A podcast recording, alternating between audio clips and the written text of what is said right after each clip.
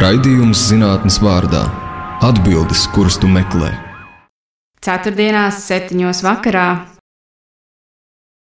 Labvakar, šis raidījums zinātnes vārdā ir Sivars Austers, un šovakar mums būs saruna par tēmu, kura ir ar garu vārdu apzīmējama dendro, par, par dendrochronoloģiju.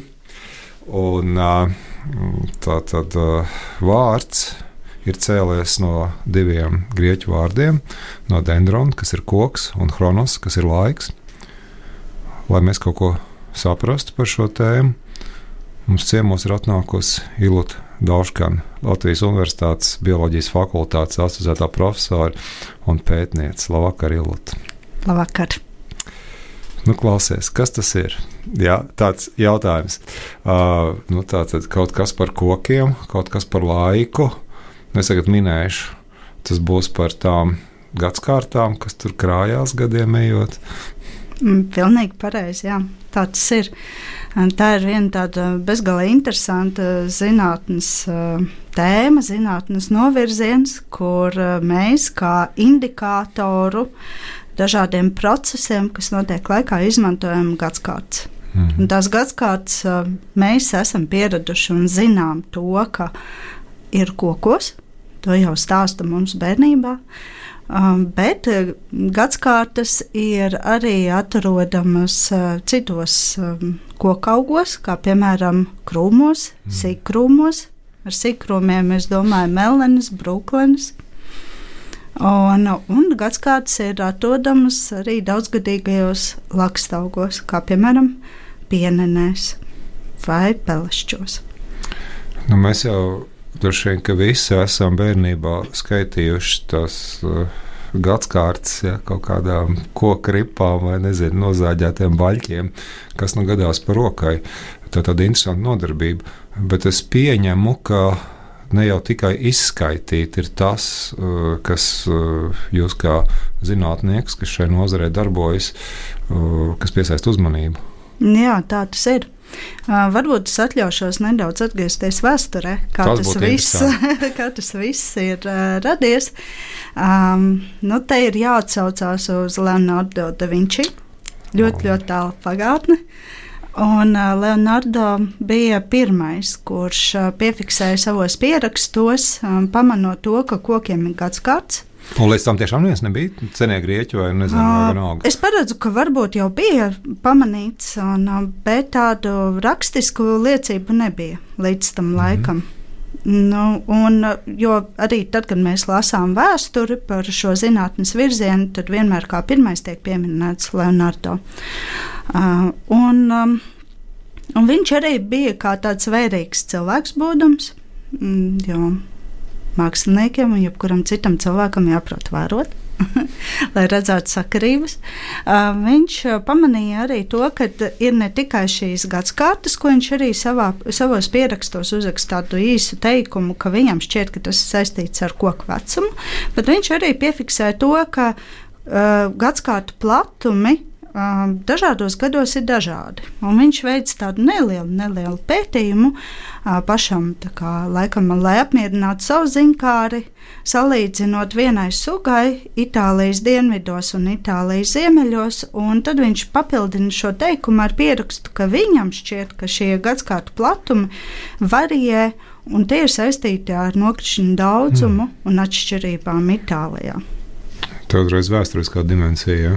Jā. Bet es varbūt pirms mēs aiziesim pie. Droši vien mēs neizbēgsim no tādas zināmas starpdisciplinaritātes, jo es, cik es palasīju pirms raidījuma, ka ļoti daudzās zinātnes nozarēs šī gadsimtu, gadu gredzenu, vai kā lai mēs to nesauktu, lieta interesē. Bet kā bioloģiski veidojās šie gadu gredzeni? Kas tur ir? Kāpēc mēs varam, teiksim, nozāģētā koka ripā redzēt?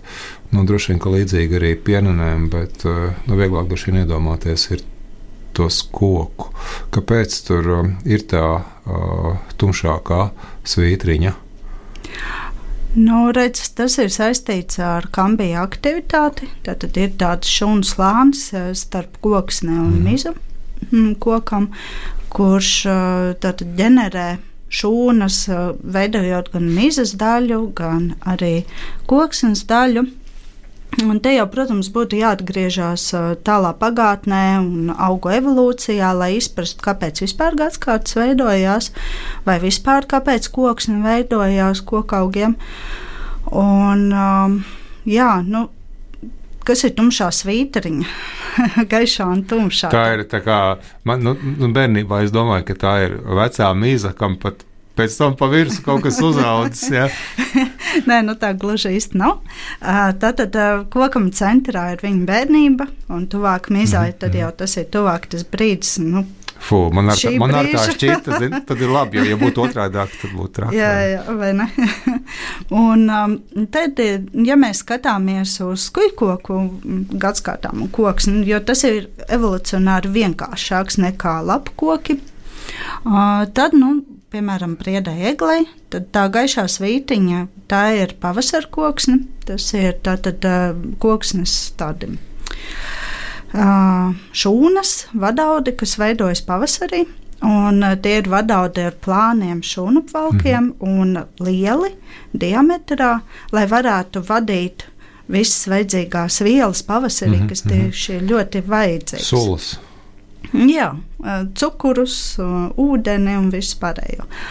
Minerālu vielas. Un tā tumšā josliņa, piemēram, priedēm, tā sāk veidoties aptuveni jūlijā. Mhm. Un, um, un tā veidojas, un, un skūpstiem izteiktāk ir nu, kā lai to pasaka, tās ir šūnas, kuras, kuras nodrošina stabilitāti. Mm -hmm. Tātad tā gaišā josliņa vairāk nodrošina visas šīs transporta funkcijas, Un uh, tumšā arī transporta funkcijas, bet vēl arī klāt ir tas, ka tās šūnas ir ar biezākiem šūnu valkiem, mazāka diametra un viņa funkcija ir stabilitāte. Nu, tas būtu, lai koks stumbrs stabilāks tādā Jā, nozīmē. Tieši tā, jo skujkokiem nav īpaši evolucionāri attīstīti audi, kas nodrošina mehānisko izturību. Cits stāsts jau ir par lapu kokiem, kur evolucionē tik tālu, ka paralēli vadaudiem ir arī šie audi, kas nodrošina mehānisko izturību. Un tad tur jau citādāk veidojas tās gadsimtas. Nē, nu, ne citādāk veidojas, bet citādāk izskatās, teiksim tā. Mm. Jā, tas ir sarežģītāk, tā struktūra. Nu, piemēram, ozoliem pavasarī veidojas um, vadauda, kas ir ļoti liela diametra. Tātad atkal, lai viss šī te, um, transporta funkcija uh, uz ūdens pusi jau vasaras vidusdaļā jau mazāka, bet um, Be, mazāki tie diametrā ir vadaudi, bet pa vidu tam visam vēl ir mehāniski audi. Un tāpēc ko, nu, ozoli ir izturīgāki koksnes ziņā nekā prieda mm -hmm. vai mhm. egli, piemēram. Tāpēc, ka jau ir šie specializētie audi. Un Nārda bija taisnība, ka uh, tie ir lietaināk gadi bieži, ka tas gadskārts izveidojas uh, platāks. Tas atkarīgs no sugas un sugas prasībām. Un, uh, Nu, pieņemsim tā, ja, ja būs vēsi un ļoti lietains, tad arī tas nav pārāk labi. Ja? Un, bet, ja būs pietiekami silts un daudz nokrišņu, tad jau, nu, piemēram, ozolam tas būs, jā, tas būs labvēlīgs gads, un mēs varētu paredzēt platus gads kāds. Tik tālu par tādu nu, no Leonardo viedokļa. Droši vien vairāk vai mazāk ziņkārība, kur ir arī zinātnes pielietojums. Kā tas tālāk attīstījās? Tālāk attīstījās pēc Leonardo laikiem. Tad bija tā, ka uh, Eiropā vairāk izmantoja šo ideju par gadsimtu skaitu, mm -hmm. meža saimniecībā, piemēram, bet dendrochronoloģija kā zinātne attīstījās 20. gadsimta 30. gados Amerikā. Mm. Andrew Elikots Douglas, uh, viņš patiesībā bija saules aktivitātes un to cikliskumu pētnieks.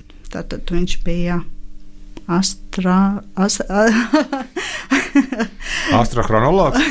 Nē, viņš bija tāds, ah, man te pēkšņi izkrīt no galvas. Mm, astro, astro, Astronoms.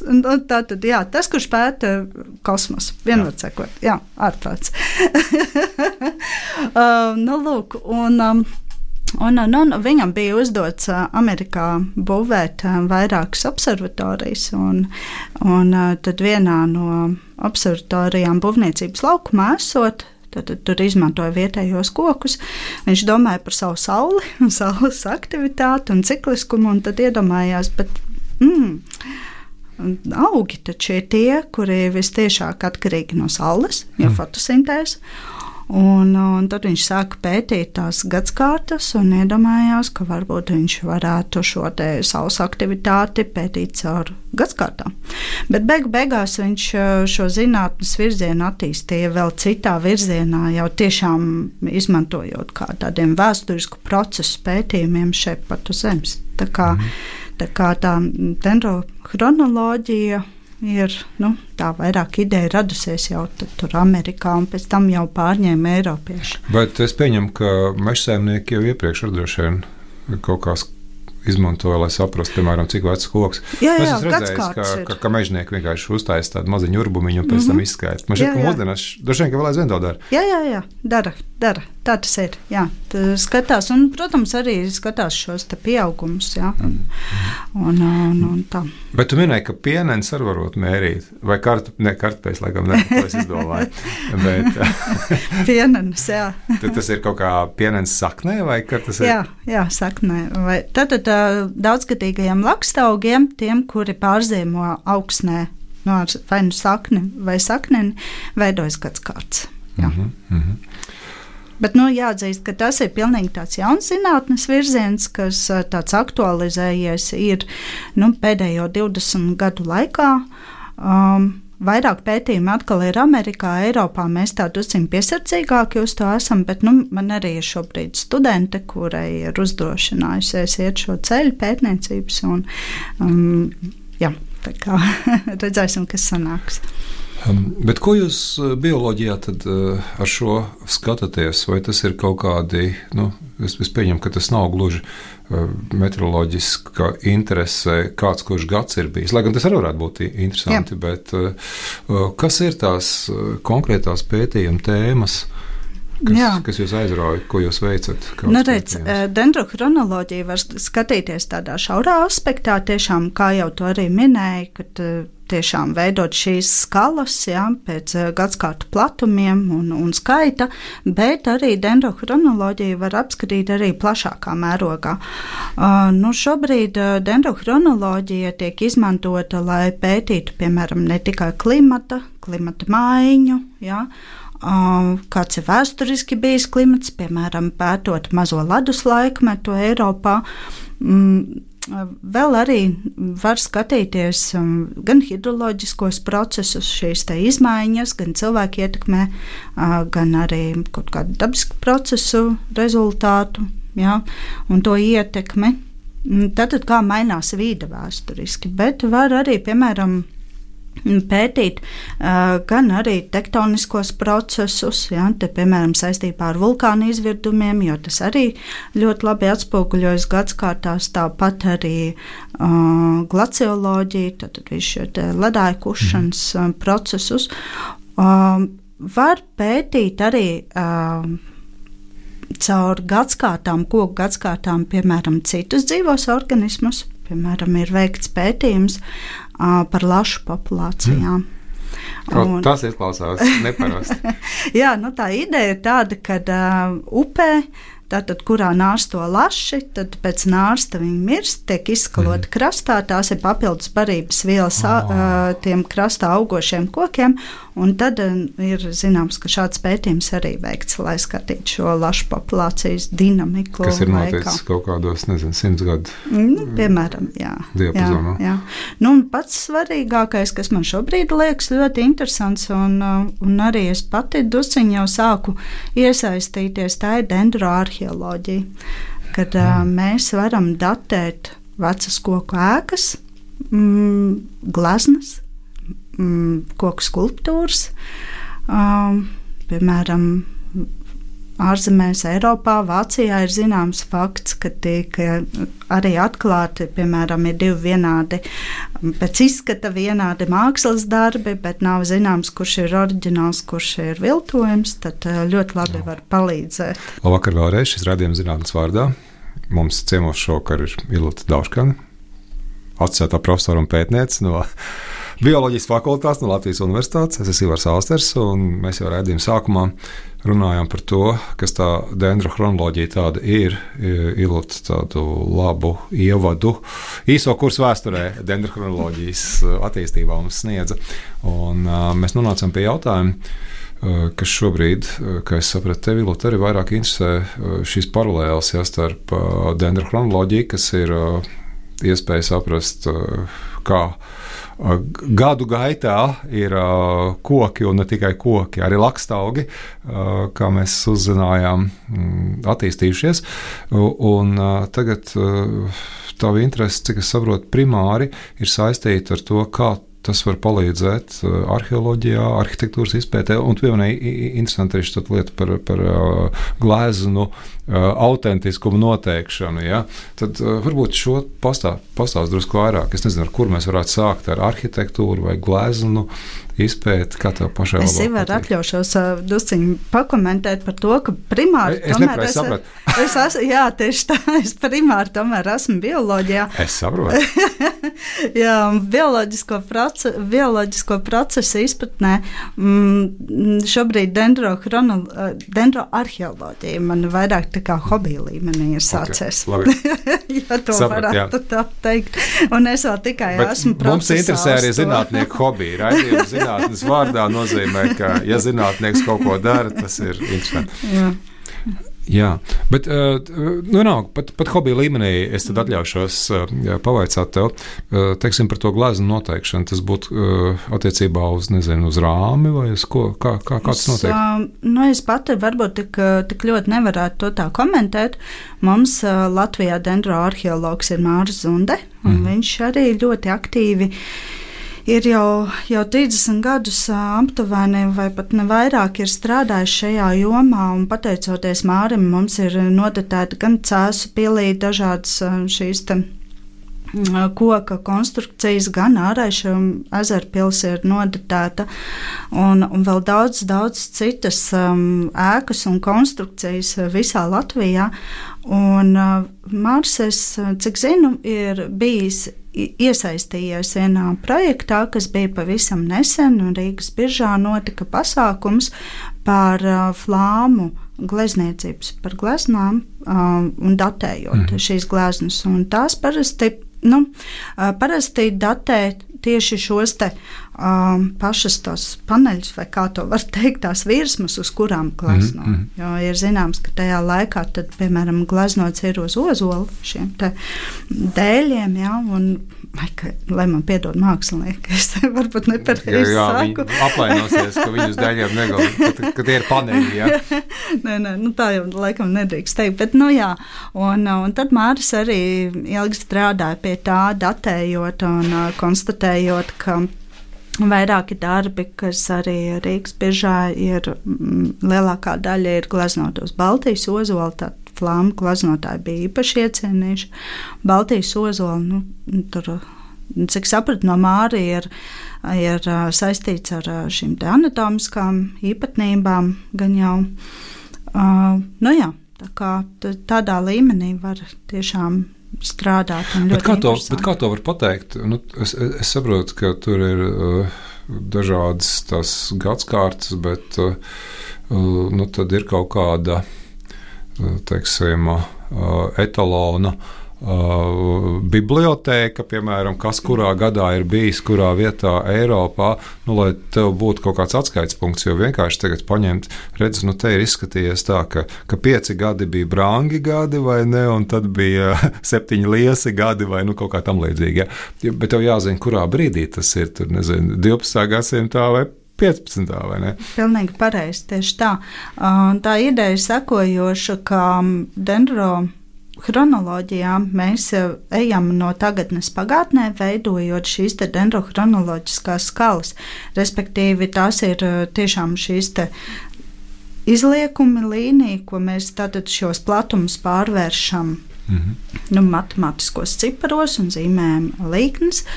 Un, tā ideja ir sekojoša, ka viens, vienas audzes ietvaros, lai arī katrs koks ir indivīds, tomēr uz kaut kādiem tādiem faktoriem mēs, nu, mēs tieši tāpat kā mēs, reaģējam vienādi. Mm -hmm.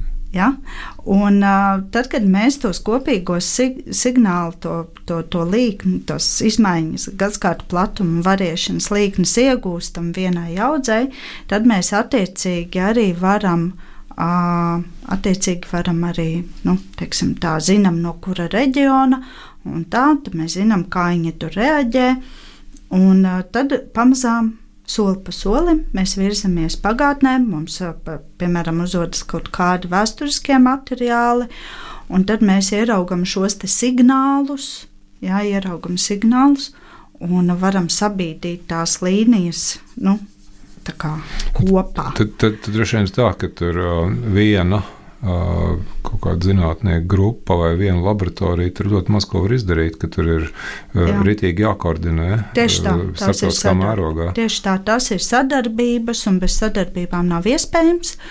Un tas ir viss šīs te chronoloģijas un references, uz ko mēs arī balstamies, ir, ir datu bāzēs, ko veido zinātnieki. Um, Un šīs datubāzes ir iespējams iegūt, ja sadarbojas. Mm. Protams, tieši tā. Un, Viņš nav, nav, nav kaut kur internetā publicēts, ka tagad nē, klausītājiem gribēsies. Tā, pastīsimies, man, tā man viens vecs krēsls, pastīsimies, kas tur ir. Nē, nē, tā īsti nē, un tas nav, vis, nav tik vienkārši, jo tomēr ir, tam visam pamatā ir matemātika, diezgan sarežģīti arī matemātiski aprēķini, tas nav tā vien paņēmām, izmērījām un viss. Ja. Tur mums ir matemātiski arī jāapstiprina, ka tiešām tā tas ir. Un, um, nu, un, protams, arī.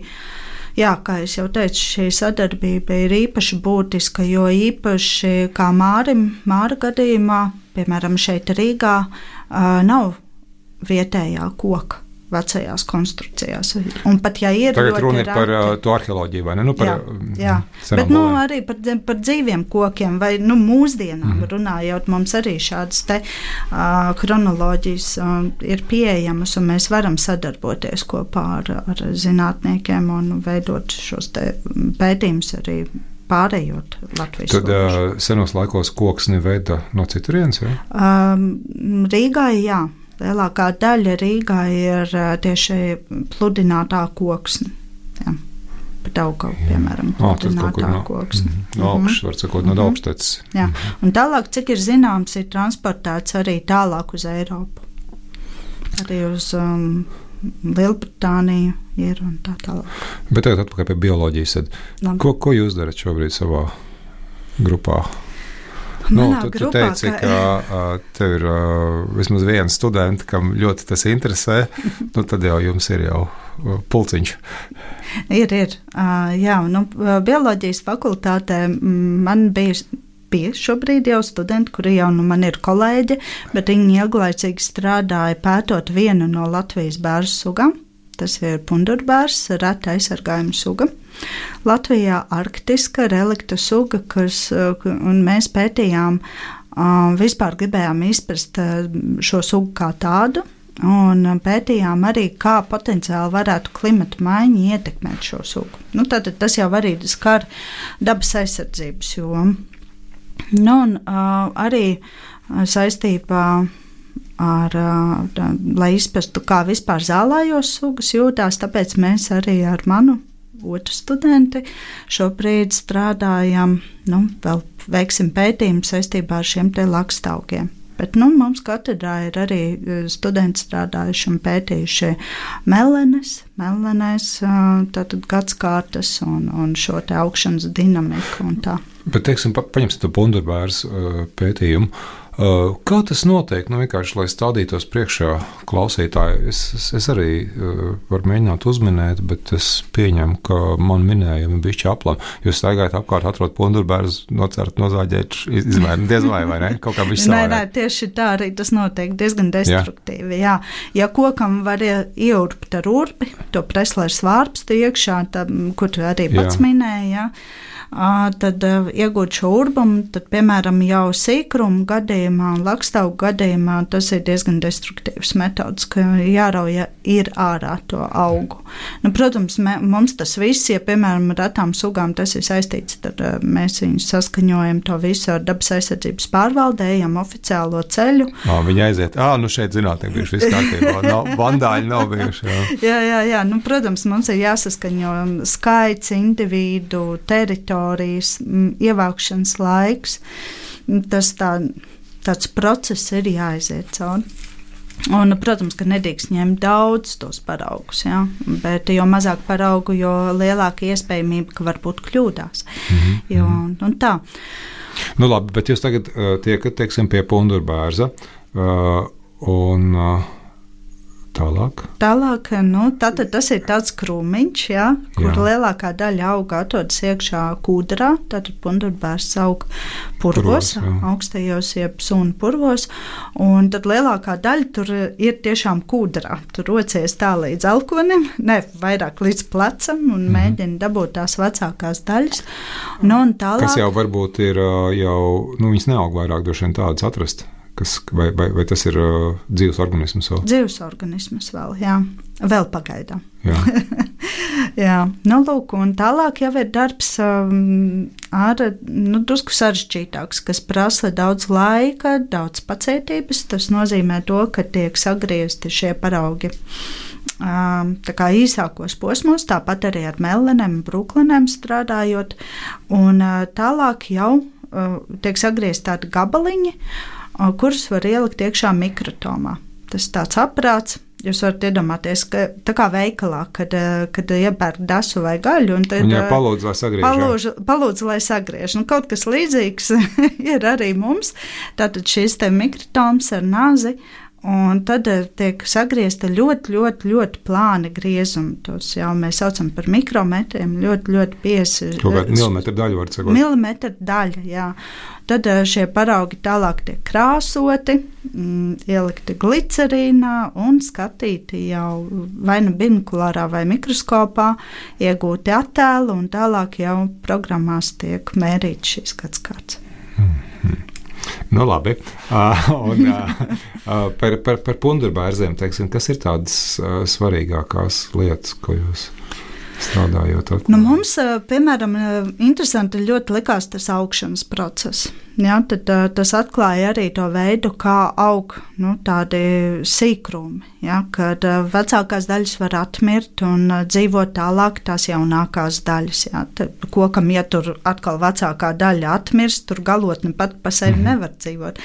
Bet šeit sīkrumiem oh. ir tā, ka viņi tā kā izdzenot saknes vēl, jā, tālāk var tā kā ložņājot vēl vēl, vēl izpla, ah. izplatīties un dzīvot tālāk. Nu, var sakot, teiksim, vēsturiski, ja, ja neviens neaiztiek purvu, ja, tad simts gados desmit km aiziet uz priekšu, nu, kaut kā tā, viens augsts. Nu, tur, to mēs nezinām, bet nu, viņš kaut kur ja. dodās. Jā, nu, piemēram, mm. ir mani kolēģi atklājuši to, ka uh, viena atradne, piemēram, viena no atradnēm, kas ir zināma pundur bērzam, um, tad uh, šī visa atradne sastāv no viena individu. Kaut gan izskatās, ka tur varētu būt vesels krūmais. Jā, jā, bet patiesībā tas ir viens individs ģenētiski pārbaudot.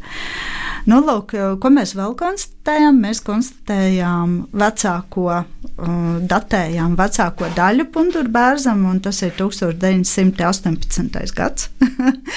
tā ir. Var sakot, vēl aizvien uh, ir. Nē, tā ir mirusī daļa. Mirusī daļa. Jā, jau šobrīd, protams, bet, bet, bet, bet mēs varējām aiziet. Tātad, arī atkal no mūsdienām uz pagātni, vienam individam, grie, sagriežot šos plānos griezumus dažādos attālumos, iegūstot šīs līknes, gadsimta platuma variēšanas, mēs būvējam to chronoloģiju atpakaļ pagātnē un iegūstam to kaut kādu brīdi, ko mēs nu, esam ieguvuši vis tālākais. Un tad jūs saistat arī ar kaut kādiem apstākļiem to kopā? Un... Jā, mēs uh, likām to kopā. Vispār izpratām, kā tā augšanas dinamika notiek, un tad likām kopā ar uh, klimatis, klimatu faktoriem un skatījāmies gan kopumā, vienkārši ar vidējām gaisa temperatūrām, nokrišņu summu, un tā gan arī skatoties, kā laika gaitā mainās klimats un kā šīs maiņas at attiecīgi ietekmē augšanu tajā periodā. Tad jūs prognozēt, tad droši vien varat izējot no tā. Nu, es pieņemu, no nu, pareizā zinātnē. Saka, jā, ka, ka zina. prognozēšana jā. arī ir uh, kaut kas ļoti nozīmīgs. Nu, nevis tikai izskaidrot uh, jā, jā, to, kas protams. ir noticis pagātnē. Protams, prognozēt var. Līdz tam mēs vēl neesam nonākuši. Bet, uh, ja mums uz šo brīdi bija galvenais saprast, kas, noti, kas ir noticis līdz mūsdienām un kas notiek mūsdienās, tad jau nu, tam ir jābūt atsevišķam tādam pētījumam atkal uz uh, kādu laiku periodu, kamēr, um, jo tā prognozēšana jau arī nav tik vienkārši tie visi matemātiskie modeļi. Un tā. un, lai varētu prognozēt, ir maksimāli, cik vien iespējams ir jāsaprot, kas ir noticis pagātnē mūsdienās. Mm -hmm. kā, kā tas viss notiek. Kā tā? Ja jūs tagad sākāt klausīties, tad uh, darīšu zinām, ka šis rādījums ir zinātnes vārdā. Mums šogad ciemos ir Vilta Dauškana, Latvijas Universitātes bioloģijas fakultātes asociētā profesora un pētniece. Es esmu Ivars Austers, un mēs runājam par dendrochronoloģiju. Ilta jau izstāstīja gan vēsturi, gan ieskicēja uh, savus pētījumus um, un, un, un savu kolēģu pētījumus, um, kas, kas ir notikuši attiecībā uz uh, uh, krūmu vai krūmveidīgām sugām, kā pareizi teikt, man pareizi kokveidīgā. Ko, koki, kas ir tā kā krūmi. nu, nē, nē, mēs vienkārši lietojam definīciju kokveidīgi. Ja, tur mēs saprotam gan ko, kokus, gan krūmus, sīkrumus. Jā, jā, jā. Uh, es tagad gribu pavaicāt vairāk par to, ko tu minēji par melanēm, piemēram, ja, kas mm. ir nu, kā, nu, dažiem visiem saistās ar nu, jā, daudzgadīgs augs, bet vai tur var kaut ko izmērīt no tām gadsimtām, un, un kas tur notiek, arī interesants. Jo iespējams, ka tas ir kaut kas nu, krietni neparastāks, ka pirmo reizi dzird kaut ko tādu. Mm, jā. Nu, tā mēs eh, dodoties eh, mežā, lasīt melnēs vai brūklēns, eh, pat nevaram iedomāties, ka no tā krūma, kur mēs lasām ogas, ka viņš pat varētu būt krietni vecāks par mums. Jo tā oh, īsti tā? neizskatās. Jā. Jo pasaulē zināms, ka vismaz piefiksēts, ka vecākā melnene, kas šobrīd ir zināma, ir tuvu 90 gadi. Brooklyns pāris simtam. mm. un uh, Latvijā mēs arī esam drusku tā, kā lai saka, papētījuši nedaudz, bet, uh, bet protams, um, šobrīd ir iecer papētīt plašāk arī. Uh, nu, pagaidām Latvijā atrastā vecākā ir laikam 24 gadi, bet tas ir tas tiešām. Ir attiecībā uz melnēm. Attiecībā uz melnēm. Jā, Brooklyns arī pētīts, bet es precīzi nepateikšu to, to maksimālo vecumu, kas, kas ir atrasts. Man intuitīvi šis otrādi, kas pēc Latvijas metri, mēleņa mētris vai Brooklynā. Brooklynā tur jau tāda maza, tur jau viss mazāks. No, bet ilgāk dzīvo, vismaz jā. pasaulē.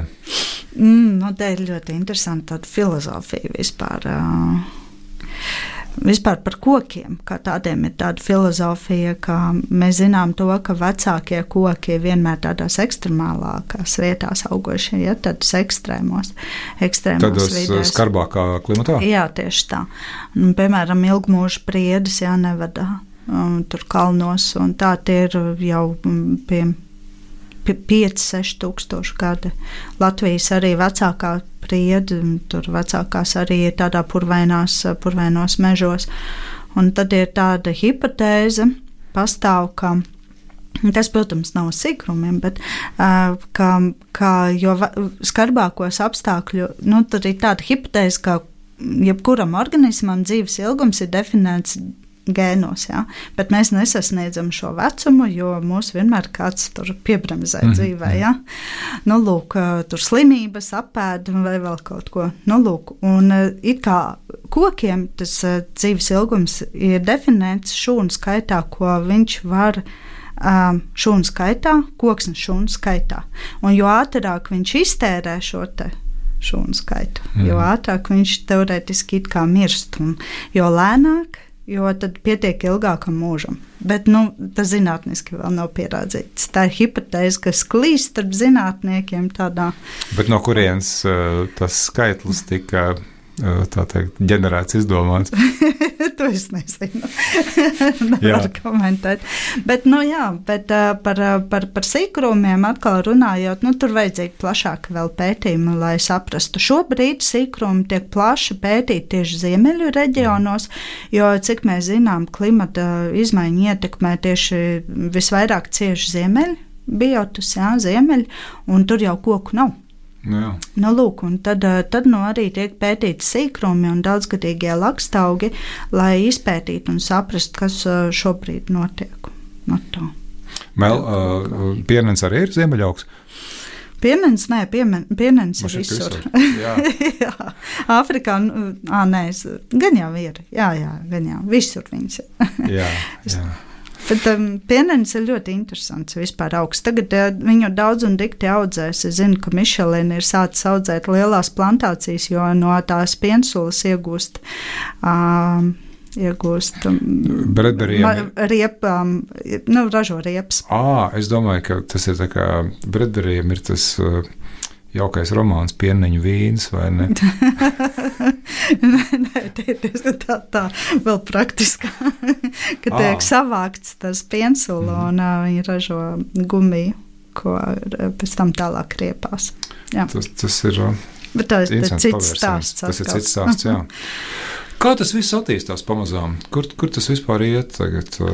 Nu, uh, jo, jo man šeit iedeva tādu ļoti labu nu, priekšstatu nu, par mm. to mhm. status quo un par to, kā tas ir uh, vēsturiski attīstījies. Bet, uh, klausoties tevī, šķiet, ka tur varētu būt daudz visādi virzieni, kā tas varētu attīstīties.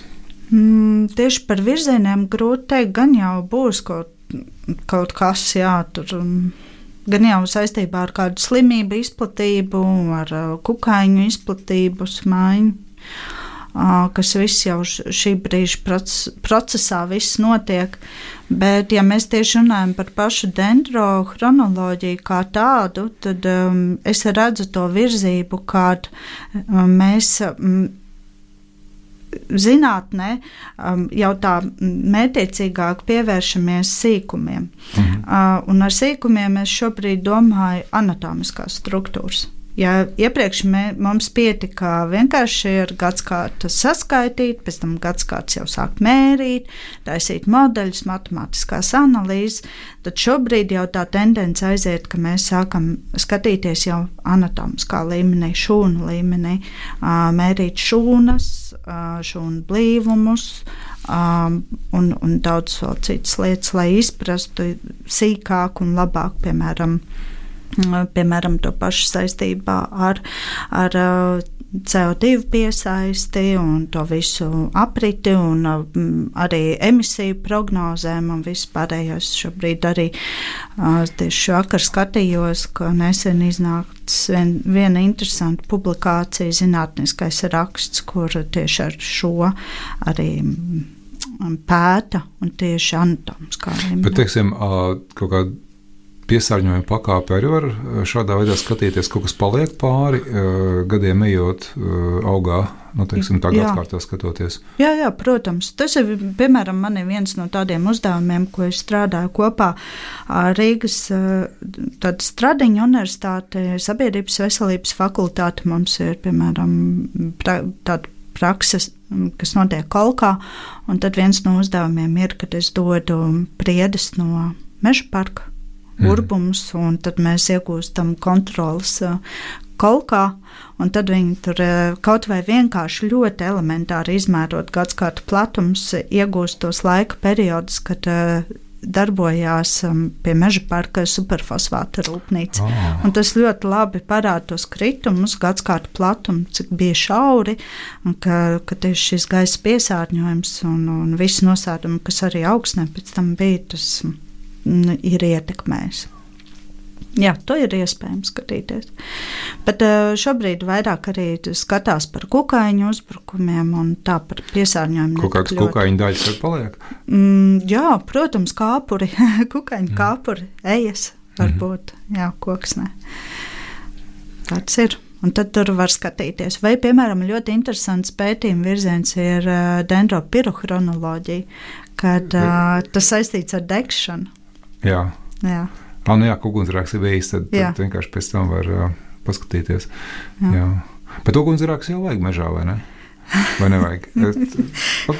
man, man, man, man mežonieki mani tagad ļoti kritizēs pēc šī redzējuma. Bet, bet, bet es bet, vienkārši esmu runājis bet no bioloģiskā biologiem. viedokļa, protams, ziemeļmežiem ir jādeg. Tā tas ir revolucionāri ir paredzēts.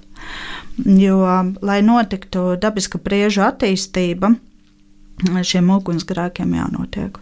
Mm, jo tiek uh, izdedzināts eglis, kas uh, evolūcionāri nav piemērots uh, izturēt ugunsgrēkus, bet priedis ir ar savu mhm. biezumību. Mhm. Tiek nodedzināts sunu slānis, kur arī tur ir vesels stāsts par sunām, kuras rada ķīmisko aizsardzību, lai neuzdīgst priežu sēklas. Un, un tad nu, daba tur ir tā paredzējusi tādu brīnišķīgu procesu kā ugunsgrēku. Jā. Dabiski, jā, tas ir. Nu, mums vienkārši meža saimniecībā nav tā paredzēts. Bet uh, ir valstis, kuras uh, aizsargājumās dabas teritorijās, piemēram, Somi, uh, piekopja de, kontrolēto dedzināšanu mežā. Ir arī kaut kādas lietas, ko no jums, kā dendrochronologiem, sagaidāt, bet ko jūs nevarat izdarīt. Nu, vai, teiksim, nezinu, kaut kāda uh, mitoloģiska lieta vai, vai kaut kas tāds, ko Uh, citiem gribētos, lai jūs varētu, bet, bet, bet jums nesanāk. Es personīgi īsti neesmu saskārusies. Tagad, strādājot ar Māru kopā un, un, un iem, mēģinot iemācīties dendroarheoloģijā, kā darbojās. Ļoti grūti dažreiz ir datēt, ja ir atnākuši paraudziņi, kaut kāda mazas daļiņas no parauga vai urbums, nevis vesels disks no kaut mm. kādas celtnes. Nu, tur sijām vai vēl kaut ko, kad ir, ir tas eh, lielais izaicinājums precīzi nodatēt. Vislabāk jau ir, kad, eh, kad ir iespēja iegūt tādus nu, kārtīgu mm, baļķa disku, ko tu vari uz visām pusēm, uz visiem radiusiem mērīt un iegūt to precīzo datējumu un tad arī sniegt to, to precīzo rezultātu ko parasti vai nu muižā, muižas vēlas uzzināt, ja tur, tur piemēram, vai, vai etnogrāfiskais brīvdabas muzejs ja vēlas uzzināt, tad ir ļoti, ļoti grūti strādāt ar urbumiem. -hmm. Jā. Man ienāca prātā, kriminologiem arī tas viss neinteresē. Uh, es atkal atsaukšu uz Māri, jo es zinu, ka, ka, ka viņš uh, ir laikam šajā jomā bijis iesaistīts vienā brīsniņā. Jā. Bet neko man pašai nav bijusi tā iespēja. Ja tagad kāds klausās uh, studenti uh, vai, vai nezinu, varbūt uh, vidusskolēni mūsu, un viņi domā, tā dendrochronoloģija ir viena ritīgi laba lieta. Kā viņi to savu interesi var attīstīt? Jāiet pie jums mācīties uz bioloģijas fakultāti un pēc tam pie tevis? Jā. es jau biju pateicis priekšā, ja? bet varbūt ieskatīt to celiņu, kā, kā var kļūt par, par dendrochronologu. Nu, tā tas arī ir. Jānāk studēt uz bioloģijas fakultāti un, un tad jādodas uz botānikas un ekoloģijas katedru, kur specializējas jau šajā jomā. Un, un mācās, un studē un strādā. Veids pētījumus. Bet mums ļoti, ļoti Latvijā vajag dendroarheologus. Ļoti. Tā kā gaidam, gaidam tad ir uh, rītīgi iespēja attīstīt. Jā, tā ir pie Latvijā brīva niša. Un, un, un ko skolā vajag vairāk mācīties? Nu, labi, bioloģija pats par sevi, bet ko vēl? Vēsture, um, geogrāfija. Tas ir tāds uh, ļoti svarīgs. Nu, un, protams, um, jā, matemātisko modelēšanu. Oh, jā, matemātika obligāti. Jā, tieši tā. Jā, tieši tā. Kārtīgs tēma zinātne. Es teikšu paldies tev, Ilota. Tev atgādināšu, ka mums ir Ilota Tauškane šovakar ciemojās raidījumā Zinātnes vārdā. Ilota ir no Latvijas Universitātes Bioloģijas fakultātes, asociētā profesora un pētniece. Un mēs runājām visu raidījumu par dendrochronoloģiju, jā, kur Ilota veids pētījums. Un es esmu Ivars Austers, un tiksimies kādā citā raidījumā. Paldies! Vislabāk! Raidījums zinātnes vārdā - atbildes, kuras tu meklē. Ceturtdienās, septiņos vakarā